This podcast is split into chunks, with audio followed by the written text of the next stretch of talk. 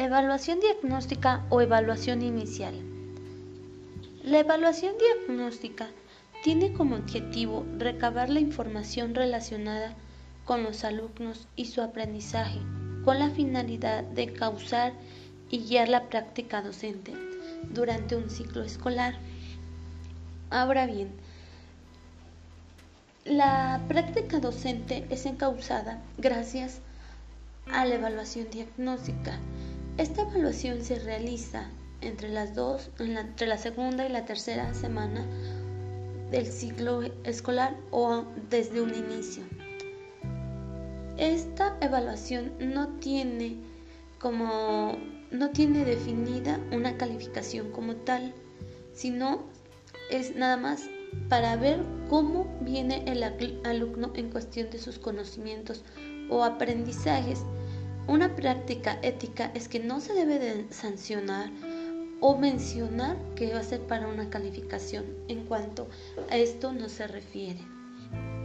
Puede ser por medio de un examen, por medio de un test, por medio de ciertas preguntas, como puede ser cuantitativa y cualitativa.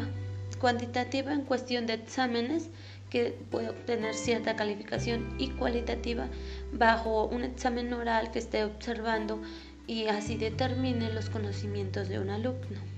Entonces, esto nos va a ayudar para, eh, para ver cómo vas a trabajar como docente durante el ciclo escolar de acuerdo a tu grupo o alumnos que tienes en, eh, bueno, en el área.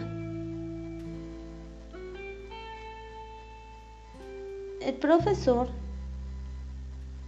debe de lograr a lo largo del ciclo escolar a través de la el diagnóstico inicial los conocimientos este, necesarios este, y encausados, encausados durante el proceso del diagnóstico.